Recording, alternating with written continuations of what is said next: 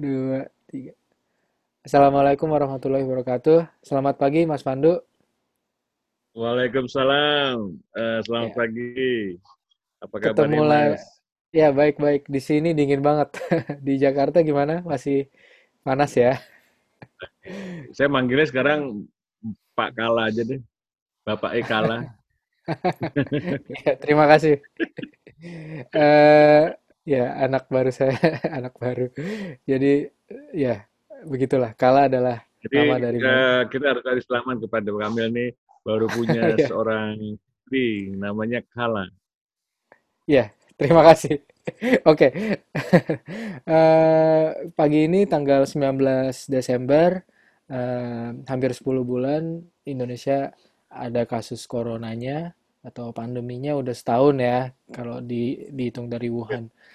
Uh, jadi hari ini kita pengen ngomongin uh, vaksin. Isu yang sangat sangat hype oh. sekarang di semua semua orang ngomongin sih, hampir semua orang. Ya, hampir semua orang dari yang dulu nggak peduli dari sampai yang sekarang dari dulu peduli sama pandemi, semua sekarang ngomongin pand uh, ngomongin vaksin dan uh, didukung sama pemerintah uh, Indonesia yang tiap hari juga uh, rilis berita atau um, apa namanya ngomongin iya ngelempar isu-isu vaksin dari segala sudut pandang dari yang gratis lah dari yang awalnya berbayar terus jadi gratis dari Pak Presiden harus divaksin dulu terus dari uh, beberapa lama merek vaksinnya apa aja macam-macam nah menurut Mas Pandu gimana nih? Jadi uh, publik kan menanggapi itu juga sangat rame ya ada yang uh, negatif ada yang positif gitu ada yang Uh, pokoknya ngeribut lah gitu. Noise-nya tuh gila-gilaan sih menurut saya gitu. Padahal kita uh, sedang sedang mengalami fase yang buruk juga gitu. Uh, 50 ribu kasus terkonfirmasi yang terakhir itu paling cepat 7 hari. Sebelumnya 8 hari, sebelumnya 8 hari, sebelum-sebelumnya itu 10 hari, 11 hari, 2 minggu. Jadi kira-kira uh, penambahan kasus di Indonesia yang terkonfirmasi pakai testing yang rendah ini itu sa sangat sangat jadi cepat gitu. Dan ke depan estimasinya uh, karena tidak ada intervensi apa-apa ya uh, bisa sangat cepat juga karena intervensinya itu adalah isu vaksin. Bukan nggak nggak nyambung sama ya. Gimana Mas Pandu uh, kondisi ini menurut Mas Pandu? Iya uh, itulah sebabnya uh, pandemi ini kan sebenarnya harusnya kita rencanakan bagaimana mengendalikannya. Ya kan, jadi harus ada kegiatan-kegiatan yang menjadi inti untuk menangani pandemi. Kelihatannya eh, Indonesia ini belum punya rencana yang jelas sejak awal itu. Walaupun sudah diusulkan, mungkin karena uh, kegiatannya karena kondisi darurat ya, seakan-akan boleh melakukan kegiatan tanpa rencana. Padahal untuk memenangkan uh, peperangan ini dengan COVID ini kita harus punya perencanaan. Terutama adalah uh, penguatan daripada pencegahan primer. Ya kan pencegahan primernya kan uh, misalnya uh, testing, ya kan testing itu uh, masih masih jauh dari cukup, ya kan? Hanya di beberapa wilayah saja yang tinggi. Itu pun tidak menjamin masih ada keterlambatan. Ya, kita hmm. inginnya testing hari ini, keluar hari ini, bisa di tracing hari ini, bisa ketemu orang-orangnya hari ini, dan besok di tracing lagi orang-orang yang sebagai suspek. Ya kan, dengan demikian kita seperti eh, melakukan eh, lomba mengejar vaks, eh, mengejar vaksin, mengejar ini orang-orang yang membawa virus.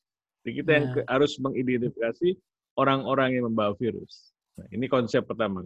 Jadi surveillance COVID-nya ini harus menjadi tugas utama dan kemudian dikombinasi dengan uh, perilaku penduduk yang diharapkan mengurangi risiko penularan. Ya kan? Jadi penularan itu kan menjaga masker, menjaga jarak cuci tangan, terus ditambah lagi menghindari kerumunan dan sebagainya. Itu uh, sudah sering di apa disampaikan. Tapi kalau ya. tidak diimplementasi tidak di, menjadi target, ya misalnya targetnya bulan Desember harus 80% penduduk konsisten pakai masker. Dan enggak, gitu kan tidak terjadi itu. Masih jauh sekali nah. penduduk uh, tidak pakai masker karena tidak pernah dibicarakan sehari-hari, ya kan? Sehingga masyarakat uh, abai. Padahal harusnya itu menjadi uh, tugas kita menyampaikan progresnya. Karena kita punya program, punya monitoring, punya evaluasi, dan kita sampaikan supaya masyarakat tahu bahwa kita uh, masih menghadapi masalah di pencegahan primer. Kemudian dampak keduanya adalah pelayanan ini, pelayanan di rumah sakit. Berapa angka hospitalisasi, berapa yang masuk rumah hmm. Berapa yang meninggal, ya kan? Apalagi kalau uh, rumah sakit sekarang itu uh, katanya di Jakarta sudah uh, hampir di atas 80 persen nih, 85 persen. Jadi hampir kalau sudah 85 persen itu boleh dianggap penuh sebetulnya. Ya, karena kan untuk menyediakan space untuk bisa dipakai lagi kan butuh persiapan juga Betul, gitu kan. Jadi ada kendala sehari atau dua hari kita kita bilang penuh saja. Ya, di mana-mana juga seperti itu. Dan ini yang yang menurut saya sangat menyedihkan dan kemudian karena eh, harapannya di di apa tuh disandarkan pada vaksinasi nanti gitu. Jadi seakan-akan vaksin itu yang sebenarnya uh, menjadi uh, senjata pamungkas untuk mengatasi pandemi yang sulit ini. Padahal kalau lihat melihat konsep uh, keju berlapis itu semuanya harus dilakukan dan semuanya harus sama kuatnya dan sama seriusnya. Vaksin itu hanya satu fase di mana nanti kita untuk lebih sustain menekan penularan dan mungkin bisa mengakhiri pandemi supaya virus-virusnya yang sudah beredar di masyarakat ini nggak punya lagi peluang untuk menularkan pada orang lain. Ya kan, ini menurut saya memang uh, menjadi prihatin ya, yang ternyata vaksinasi ini menjadi lebih banyak dibicarakan ketimbang ya ketimbang penuhnya rumah sakit. Pada hmm. penuhnya rumah sakit itu emergensi yang luar biasa. Karena itu adalah kapasitas layanan kesehatan kita, tanggung jawab kita bersama untuk menyediakan layanan pada mereka yang membutuhkan. Dan ini yang yang menurut saya uh, menjadi keprihatinan. Dan disangkanya kan dulu waktu juga ada 10 provinsi yang harus tanggulangi uh, karena kematiannya tinggi seakan-akan diberesi rumah sakit. Padahal rumah sakit itu uh, problemnya tuh di, di terakhir. Mereka akan menampung dari yang dirawat. Yang dirawat tergantung berapa kasus yang terinfeksi. Nah ini menurut saya uh, menjadi Desember salah strategi. Desember yang ya.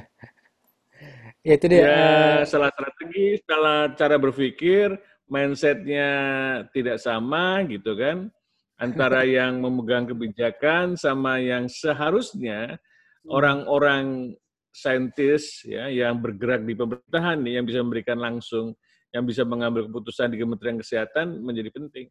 Saya melihat jadi sebenarnya Kementerian Kesehatan itu jadi inkompeten. Eh, hmm. Bukan hanya menterinya ya, tetapi juga sistem pemerintahannya tadinya saya harapkan masih bisa diandalkan, ternyata tidak juga gitu loh. Mungkin selama setahun ini eh, terjadi banyak perubahan-perubahan personalia di dalam Kemenkes sehingga sistem di dalam Kemenkes itu sendiri yang menurut saya jadinya agak lemah, tidak siap juga untuk menghadapi pandemi yang begitu dasar dan semakin berat. Ya, kalau masih di bulan Januari, eh, di bulan Januari, Februari, Maret masih oke okay lah. Tetapi ini udah hampir setahun. Ya kan kita akan hmm. tanggal 31 Desember itu nanti setahun pandemi dideklarasikan di Wuhan ya kan? Walaupun sudah banyak kasus dua minggu sebelumnya tapi deklarasi resmi bahwa ada pandemi di Wuhan itu tanggal 31 Desember. Gitu ya, jadi, ya. jadi memang memprihatinkan ini. Yes, jadi eh, seolah-olah kita kita saya sebagai awam nangkepnya memang eh, tidak ada tidak ada komunikasi dari mungkin pejabat atau dari media-media bahwa kondisinya tuh gini loh. Sekarang vaksin itu oke nanti perlu dibicarakan juga tapi porsi porsinya tuh ada gitu kan Mas.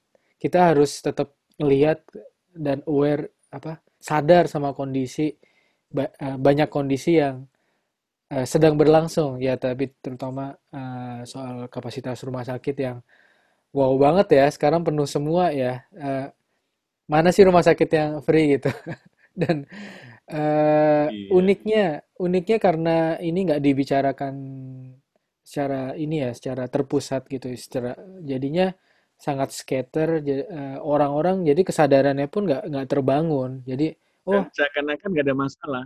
ya itu dia Seakan-akan nggak ada masalah. Jadi masalahnya itu selalu tersembunyi. Dan dan eh, mass media juga terpancing untuk membicarakan isu-isu yang disampaikan oleh pemerintah.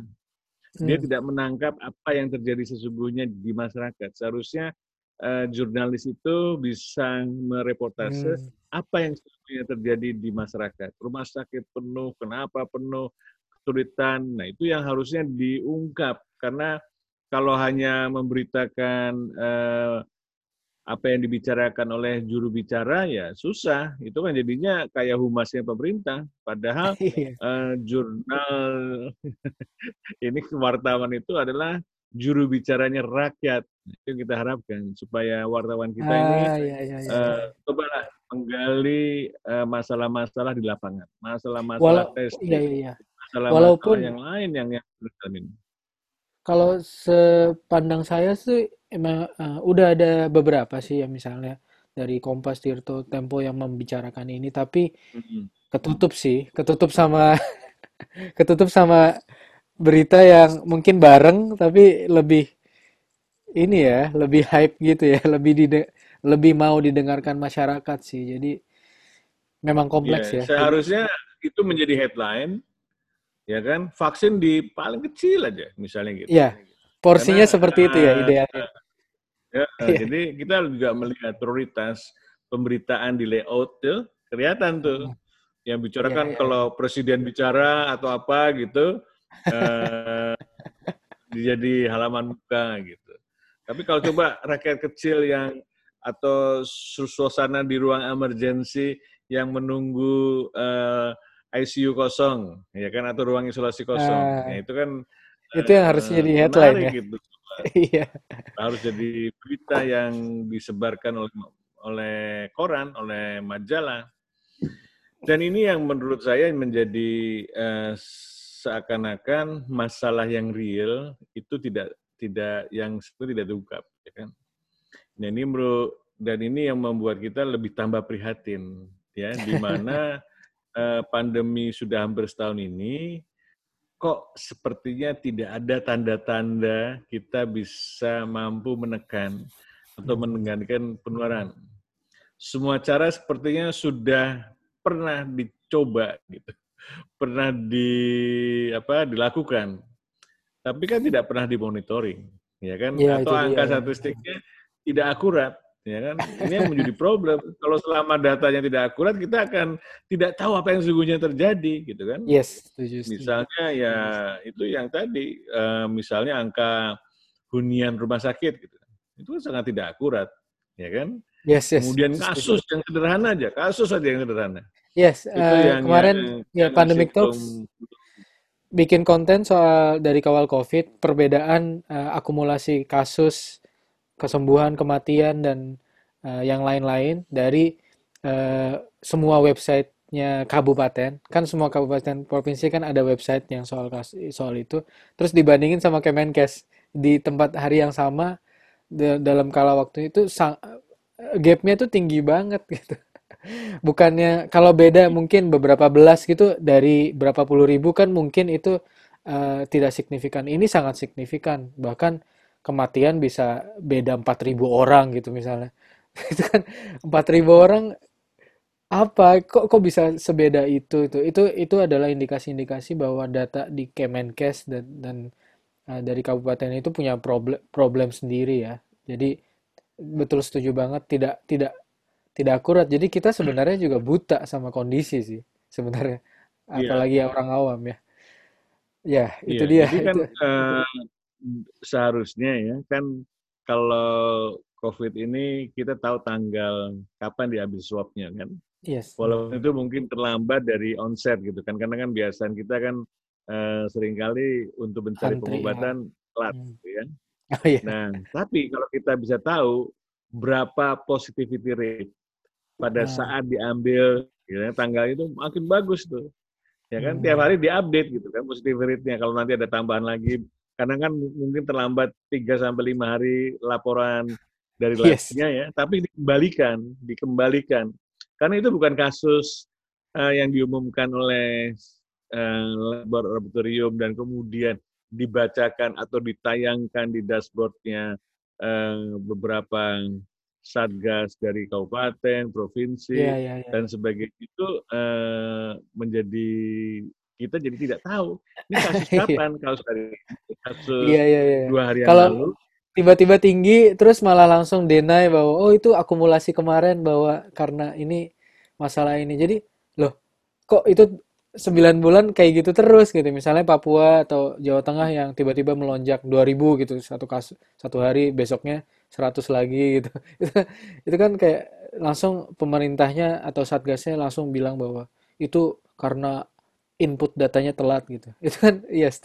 Ini menggambarkan jadi jadi eh, semrawutan kan. menggambarkan bahwa mereka tuh nggak tahu Iya. bahwa mereka tuh nggak tahu gitu loh. Kenapa kok sampai 9 bulan kok nggak tahu gitu loh. Ini yang berarti kan, terutama teman-teman dari dinas kesehatan lah, supaya Hmm. belajar lah gitu kan.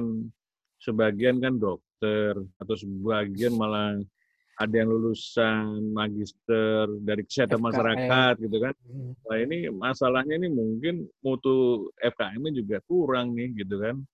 Eh, Nggak Bisa bisa, jadi. mengolah data, tidak bisa. Jadi nggak- tapi semua orang kalau sekolah tuh cuma cari gelar, ya kan, cari gelar. ya kan. Ah, itu dia. Kalau ada cari ijazah, ijazah nggak bisa naik pangkat gitu kan.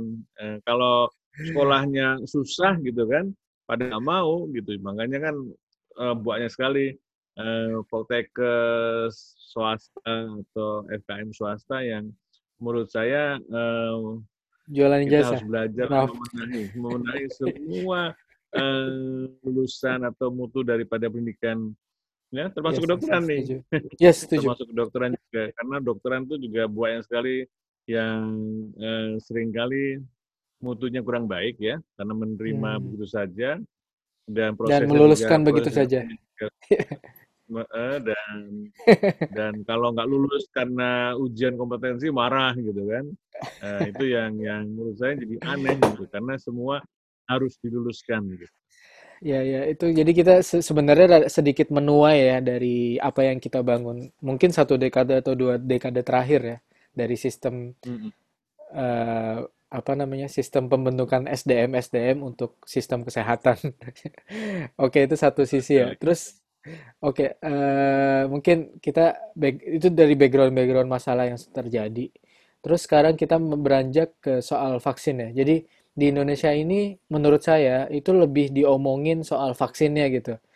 Apakah dari Hmm. virus yang dilemahkan atau antigen yang diapakan, dari RNA yang di whatever gitu. Padahal itu kan walaupun itu basic science, itu adalah hal yang mungkin nggak perlu diomongin sih, nggak perlu diomongin segininya gitu. Tapi yang perlu diomongin itu lebih ke program vaksinasinya kan Mas Pandu. Iya. Itu yang mungkin Jadi lebih eh, urgent itu disampaikan. bagus juga tuh mas. Jadi karena gini mas, jadi problemnya adalah kita itu tiba eh, sudah memutuskan membeli vaksin, tetapi kita tidak tahu informasi tentang vaksin itu. Informasi dasarnya tentang efikasinya, gitu kan? Belum ada studi hasil tiga, barangnya sudah dikirim, nah, kan? Aneh itu memang. Itu kan eh, menjadi problem besar bagi banyak orang. Ini Nah, bagaimana proses hmm. keputusan pembelian vaksin ini, ya kan? Mungkin salah satunya karena sudah diuji coba di Bandung, gitu kan? Harapannya itu juga semacam pelumas supaya eh, pelan- memuluskan pembelian ini. Ya kan? Padahal mau dicoba, nggak ada dicoba, kita kan harusnya tetap melihat produknya bermanfaat untuk bangsa atau iya, tidak gitu kan. Secara objektif iya. ya. Jadi hasilnya apa dan Betul. bukan karena dasar-dasar yang lain kan misalnya dari aspek bisnis atau dari aspek apa pun karena Betul, uh, program vaksinasi ini ya mungkin lah Sinovac ada hubungan baik sama Bio Farma gitu kan. Tapi kan uh, tidak bisa menjamin bahwa itu dan dan iya. saya juga heran kan uh, Itagi ya katanya ada kelompok ahli ini. Saya juga mempertanyakan kelompok-kelompok ahli pakar kita ini uh, juga katanya menganjurkan tuh Sinovac gitu karena gara-gara sudah dicoba di Bandung kelihatannya kan memberikan harapan gitu kan. Uh, menurut saya nggak boleh, nggak boleh uh, suatu pakar uh, bidang yang walaupun walaupun mereka uh, dengan segala hormat uh, jauh lebih pintar daripada saya ya dalam bidang itu, tapi uh, memberikan keyakinan bahwa ini masuk ke dalam uh, daftar bahkan dan dan boleh dibeli itu kan ada ada konsekuensi menggunakan dana publik hmm. ya kan jadi uh, tidak harusnya tidak semudah itu prosesnya ya kan nah inilah proses pengambilan keputusannya dalam pemilihan vaksin tanda tanya besar. Itu yang kenapa kemudian menjadi isu dibicarakan yeah. terus. Padahal isu yang paling penting setelah kemarin meributkan vaksin ada opsi berbayar tidak berbayar, itu yang saya heran tuh gak ada kepikiran dari teman-teman di Kemenkes bahwa itu tuh tidak tidak tidak benar gitu. Bahkan masuk ke dalam uh, tidak diperjuangkan untuk sebagai itu adalah hak publik, hak kesehatan publik gitu kan. Jadi ya malah ikut aja gitu. Kan menurut saya kan ini uh, menunjukkan inkompetensi lagi gitu loh dalam masalah vaksin ya kan jenis vaksinnya kemudian uh, proses apakah harus berbayar atau tidak berbayar dan yang paling krusial yang kita harus juga pertanyakan adalah bagaimana pelayanan vaksinasinya tadi nanti ya kan hmm. dan ini kan uh, saya pernah minta uh, teman di Kemenkes gitu kan. Uh, waktu itu dapat sih yang tapi bukan dari Kemenkes, malah dapat dari dari Komite Pemulihan Ekonomi. itu uh, tentang roadmap vaksinasi kita. Uh, katanya oh lagi dibahas ini. Nanti aja kalau sudah selesai. Lah kalau sudah selesai, sudah final, bagaimana memberi masukan? Ya kan? Ini kan problem yang sangat rumit. Ya, kenapa? kalau kita tujuannya apa sih imunisasi? Ya kan misalnya ya. untuk mencapai level imunitas populasi, ya kan? Hmm. Gimana strateginya? Apakah berdasarkan wilayah? Apakah berdasarkan uh, prevalensi yang sudah terinfeksi? Apakah berdasarkan apa gitu loh? Apakah kombinasi antara untuk mengatasi pandemi juga untuk pemulihan ekonomi. Jadi diberikan kepada kelompok-kelompok usia yang produktif karena kalau dia terlindung ekonomi akan lebih cepat bergerak. Ya dibicarakan saja, semua itu hmm. sah hmm. gitu ya, semua itu oke okay dibicarakan. Nah, proses vaksinasi ini seharusnya yang jauh lebih rumit dan lebih ini tidak bisa hanya oh kita sudah punya sekian rumah sakit, punya sekian puskesmas, punya sekian dokter yang akan siap memberikan vaksinasi. Kita bisa 15 juta uh, dalam waktu sebulan. Sebulan. Ya kan? Hebat sekali gitu. Jadi kan menjadi gimana ngitungnya kok bisa 15 juta? Apakah apakah tidak ada kemungkinan uh, ada masalah di lapangan ya, baik iya, masalah yes, logistik, masalah macam-macam yang kita tidak tahu yang harus diantisipasi, yang kita harus harus melakukan brainstorming. Apa ini kendalanya gitu kan? Kita kan harus melakukan SWOT gitu kan semacam apa sih strengthening yang sekarang sistem pelayanan kesehatan kita gitu kan? Apa hmm. kelemahannya? Apa yang membuat kesehatan kita nanti bisa tiba-tiba mandek atau tidak berfungsi? Ya kan? Apa yang menjadi uh, ancaman? Apakah ma apa masyarakat ada yang uh, kemudian menolak gitu kan? Apa ada kemudian ada kejadian ikutan uh, dari imunisasi ini? Nah, itu yang harus di sistem. Semuanya bilang, "Ya, kita sudah punya sistem." Tapi nggak pernah itu diuji cobakan ya kan dalam diuji cobakan modelnya ya model ya model yang gimana? simulasi di di Bogor itu cuman pelayanan kayak pelayanan posyandu. Aja meja satu, meja dua, meja tiga, meja empat. itu teknis pemberian yang sangat teknis penyuntikan Iya, kan itu- bukan bukan teknis Iya, teknis pemberian vaksin. Itu- iya iya iya. Itu zaman saya jadi dokter puskesmas itu eh, kita terlibat dalam penyusunan posyandu ya. Waktu itu Hmm. pertama kali itu ada pos KB, ada pos imunisasi. Hmm. Jadi diintegrasikan jadi posyandu gitu kan. Ada meja satu, ada lima meja. gitu ya. Jadi prosesnya itu proses di posyandunya. Tapi kan bagaimana supaya eh, pelayanan itu eh, menyeluruh di Indonesia Eh, eh, harus dibicarakan dengan eh, baik lah. Di ini kan manajemen, lagi-lagi manajemen. Ya, Yes. pandemi ini harusnya diatasi dengan manajemen, dengan perencanaan. Vaksinasi itu bagian daripada menangani pandemi dan Hmm. butuh manajemen, ada manajemen logistik, manajemen macam-macam. ya kan nanti kan juga eh, teman-teman dari eh, industri farmasi yang itu sih eh, mereka bilang, oh nanti akan datang eh, vaksin yang dalam bentuk curah gitu kan. Curah Hmm. nanti dibuatkan eh, masukin ke dalam botol-botol kecil gitu kan. Dan Yes. kita juga sudah menyiapkan pabrik pabrik apa tuh untuk alat injeksinya gitu kan. Tahu Iya. squidnya ukuran berapa gitu kan. Ya mereka siap Jarum untuk, untuk lah. dari segi hardware ya dari Hmm. segi hardware. Tapi dari segi proses pelayanan mendelivery dari vaksin ke orang itu yang harusnya tidak sesederhana. iya iya saya aja saya sebagai awam untuk ini ya untuk geografis dan demografis Indonesia tapi saya lebih eh, saya bisa klaim saya lebih paham sih daripada eh, omongannya Pak siapa? Pak Budi ya yang B- dari BUMN itu. Juru, juru apa sih dia? Itunya stafnya Menteri BUMN Dia eh, Eh, kepala satgas, dia wakil kepala menterinya Pak Erik. ya itu dia BUMN Kepala itu yang satgas kemarin pemulihan ekonomi, satgas PEN. yes dan dia Jadi eh, komite itu ada dua satgas, PEN sama penanganan COVID. catch iya, Penanganan iya, COVID. Pak Doni, yang ini ekonomi Pak eh, Budi. Iya, dia klaim bahwa dia dia akan tadi kan yang uh, Mas Pandu bilang yang 16 ju- 15 atau 16 juta per bulan karena dia klaim sudah mendata semua uh, rumah sakit, puskesmas atau apa pun itu yang di Indonesia semuanya. Jadi nanti 16 juta tiap bulan jadinya dalam beberapa waktu Indonesia semuanya ini. Saya lihatnya wow, this is oversimplify Ya. gitu. Iya Mas? Ya, Over apakah artinya mau paralel? Ya, Iya, semua itu wilayah dia. paralel. Atau ada prioritas wilayah. Ya kan? Ada prioritas wilayah, ada dia. prioritas eh, kelompok. Nah, itu kan itu kan cara berpikir. Cara Iya. berpikir yang seharusnya dikembangkan ya kan dengan serius.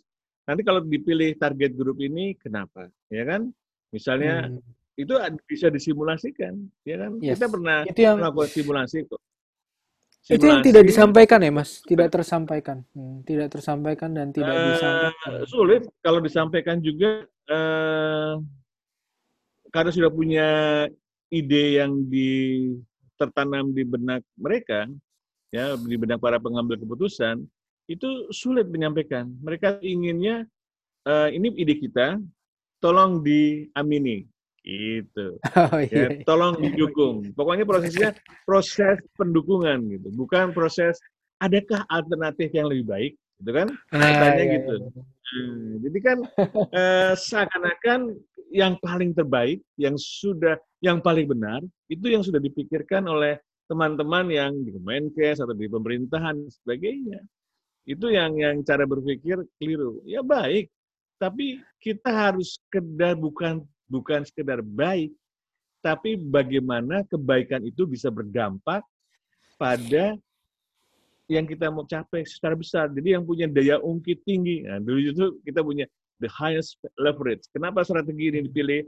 Karena mempunyai daya ungkit tinggi. Daya ungkit tinggi dalam apa? Mau pemulihan ekonomi boleh, mau Hmm. cepat menekan penanduran boleh, atau kombinasi boleh. Nah ini yang nggak terfikirkan. Jadi kan ini cara berpikir yang seperti dulu pada awal pandemi, ketika saya memproyeksikan perjalanan pandemi, kemungkinan terjadinya kolaps dari layanan Nah. kesehatan tuh eh, mereka pikir kita siap semua pelayanan kesehatan. Sepertinya unlimited gitu kapasitinya. Sepertinya kalau nanti rumah sakit penuh, kita bikin rumah sakit lapangan. Nah, kan. Padahal Kalau laporan nanti rumah sakit ya, lapangan ya. penuh, kita semua hotel kita jadikan rumah sakit. Ya nggak Enak bisa ya. lah. Misalnya seperti itu, gitu. misalnya kan, seakan-akan eh, iya. pada waktu, iya, responnya selalu gitu, responnya itu defensif, bahwa Hmm. kita mempunyai keterbatasan, akui apa ya kalau saya lihat sih kita di didoktrin untuk adaptif adaptif adaptif gitu loh. Tidak men- Oh iya, tidak mengidentifikasi masalah dan melihat dalamnya masalah. Bahkan ditutup-tutupi masalahnya. Itu kan seolah-olah kita bisa kita kita resilience. Jadi menurut saya nih ini eksploitasi dari ketahanan masyarakat. Jadi masyarakat Indonesia yang polanya ini ya positive thinking yang polanya bencana tuh wah kuat gitu ya. Tapi itu dieksploitasi sama pihak itu. Dan dibiasakan. Kalau ada ini ya udah hadapi Meni- eh, dokter meninggal banyak banget gitu. Ya udah nggak apa-apa takdir. Jadi perjuangan. Terima kasih dokter gitu. Terus apa gitu intervensinya nggak ada kan? Misalnya dokter 6 bulan pertama ada 100 3 bulan berikutnya ada 100 lagi gitu. Berarti kan cepet banget kan iya. Mas Pandu? Dan nakes juga walaupun datanya kurang lengkap tapi sangat nyata kan. Perawat meninggal radiografer meninggal bidan meninggal. Karena tidak terkendalinya wabah ini yang membuat itu dan itu pun kan nggak bisa kan kita mencetak kalau kamar kamar rumah sakit kan bisa ditambah kalau tenaga kesehatan mau gimana coba ya itu yang mungkin tidak di Import, pernah import. disadari ya import juga siapa yang mau ke itu dia itu isu-isu yang nggak Banyak, masuk Mas, akal banyak, semua Mas. Kalau di India, fakultas kedokteran yang abal-abal juga banyak, Mas. Oh ya tinggal impor aja ya orang-orang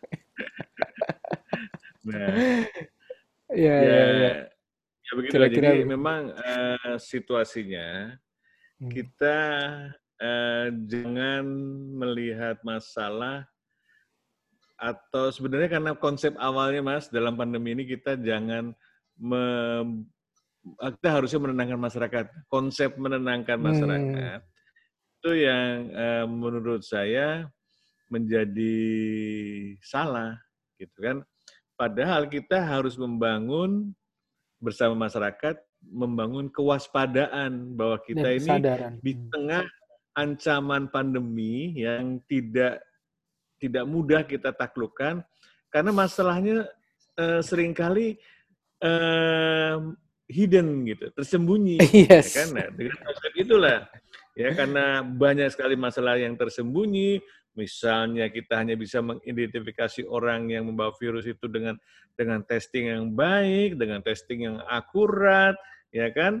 Eh, padahal pada saat awal kita eh, mengatasi pandemi itu kan bilang Litbangkes kapasitasnya bisa sehari bisa 10 ribu tes misalnya kayak gitu. Padahal kalau kita itu nggak cukup seribu tes itu masih ngantri begitu antri antri antrian tuh eh, mereka nggak ngerti teori antrian ya mas ya terlambat satu menit itu truk ada lima terlambat satu jam ada sepuluh terlambat Iya. satu hari ada gitu kan jadi dan sam- eh, sampel itu iya. juga transport punya masalah kan semakin nunggu semakin betul rusak sekali jadinya ya negatif ya. transportasi gitu kan. Jadi kita tidak membangun sistem, Mas. Sistem gitu loh. Iya Padahal tubuh kita itu sistem. Ya kan? Dan sistem itu sistem peredaran darah eh, terhubung sama sistem hormonal, terhubung sama sistem eh, gerak Semuanya. otot kita, ya kan? semuanya ini menjadi sangat harmonis. Begitu salah satu sistem kita eh, lumpuh atau ada disfungsi, sistem yang lain ikut disfungsi. Ya kan? Nah, itu yang seharusnya kita pikirkan gitu. Kalau saya mikirnya eh, ketika sekolah di kedokteran itu saya pelajari, wow, manusia tuh hebat sekali ya. Eh, Hmm. luar biasa sistem-sistemnya gitu kan. Nah, itu kan pada waktu kita belajar fisiologi kan eh, mempelajari eh, suatu sistem Semua ya. Nah, sistem. waktu kita belajar anatomi sebenarnya juga sistem, sistem daripada struktur yang menjadi ini. Nah, itu yang sangat membantu antara struktur, sistem, dan itulah organisasi. Dan organisasi yang dulu saya belajar di teori leadership di Fakultas Kedokteran adalah uh, biologi itu yang paling penting. Kenapa? Berubah. Nah, berubah itu jadinya kita beradaptasi. Kita hmm. harus responnya respon yang bukan kaku, tapi respon adaptasi, adaptasi.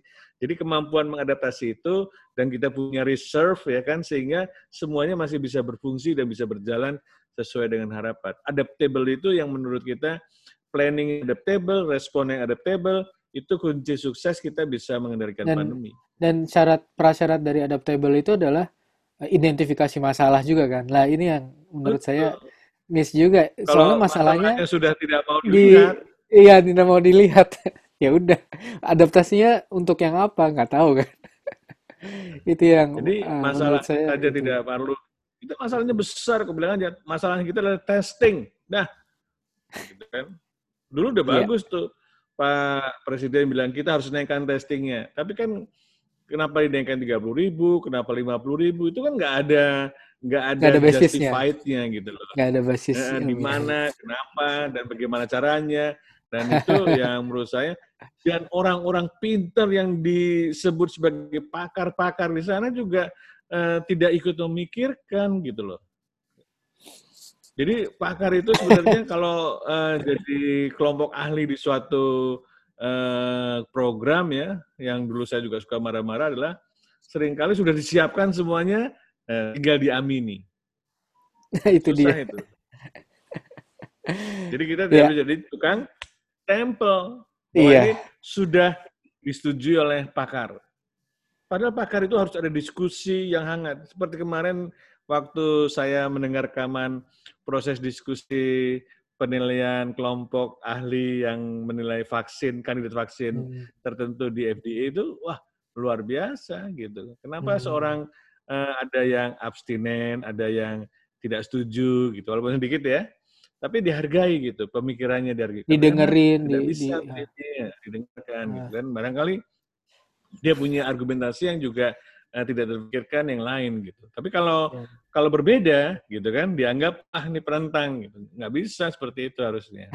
Karena tujuan kita ya. adalah bukan mencari konsensus tapi mencari yang terbaik sesuai dengan kesepakatan. Ya kan yang terbaik itu yang menjadi dominannya bukan kesepakatannya. Oh, kita sudah sepakat. Oh, kita sudah konsensus. Sama seperti itu. Kayak undang-undang juga. Ya pembentukan undang-undang kalau ada yang masih interupsi-interupsi langsung dimatikan mikrofonnya.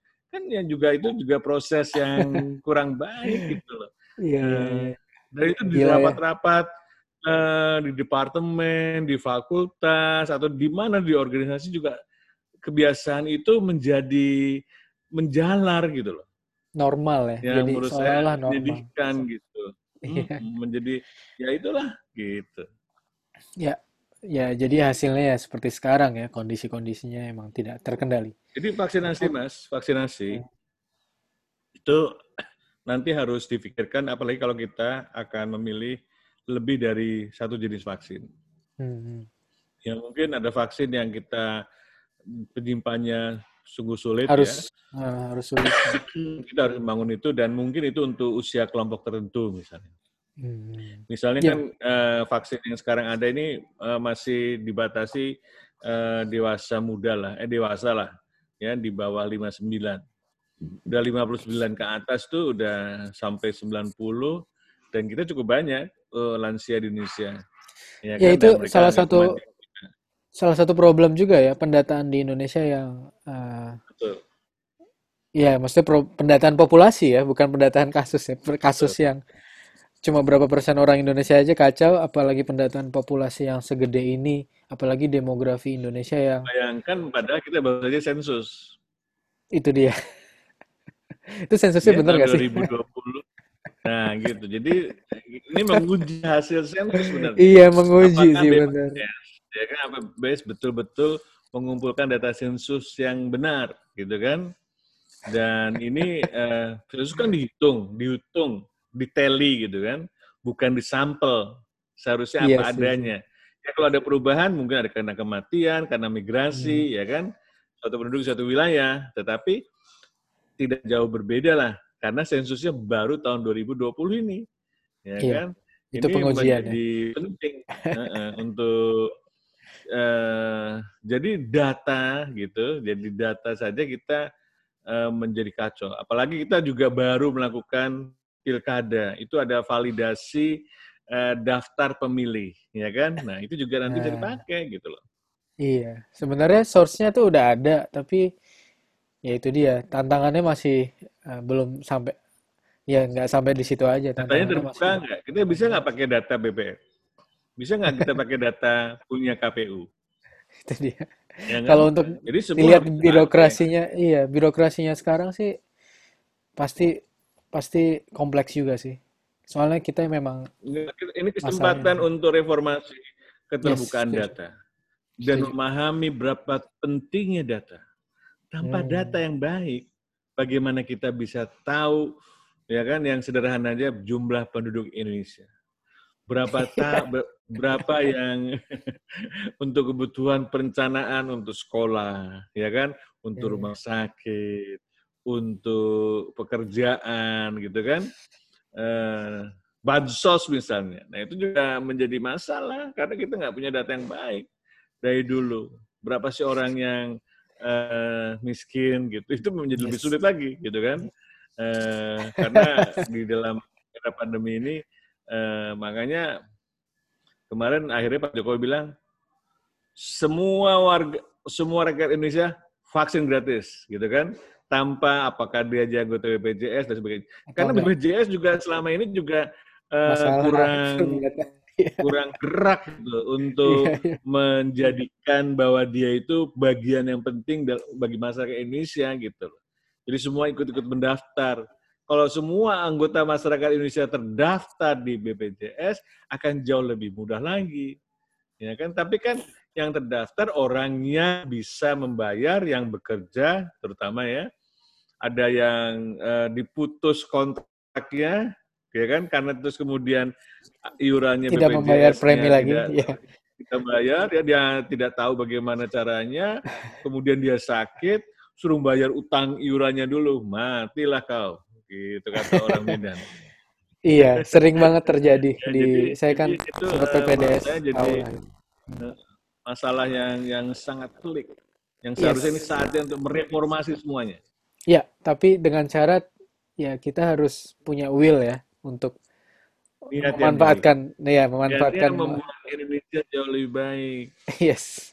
ya kan Setuju banget. bukan bukan bukan menghakimi pemerintahan yang Yes. sekarang Hmm. kejadian yang sekarang itu juga dipengaruhi oleh hasil kinerja pemerintahan yang lalu pemerintahan yang lalu dan Sebelum sebelum yang sebelumnya. Yes. Hmm. Nah, jadi ini adalah akumulasi dari kita semua gitu Setuju perlu lagi menyalahkan tapi kita bersama-sama membetulkan gitu Oke, kira-kira begitu. Jadi intinya kita harus tetap sadar dan memprioritaskan apa yang eh, kita perlu eh, pantau dan kita perlu kritisi. Bukan hanya vaksin ya. Vaksin adalah bagian dari banyak hal yang eh, perlu kita terus sadari. Oke, terima kasih Mas Pandu. Kira-kira begitu. Sampai ketemu lagi di lagi catatan kita jubah. kita bisa lebih baik Ya, terima kasih.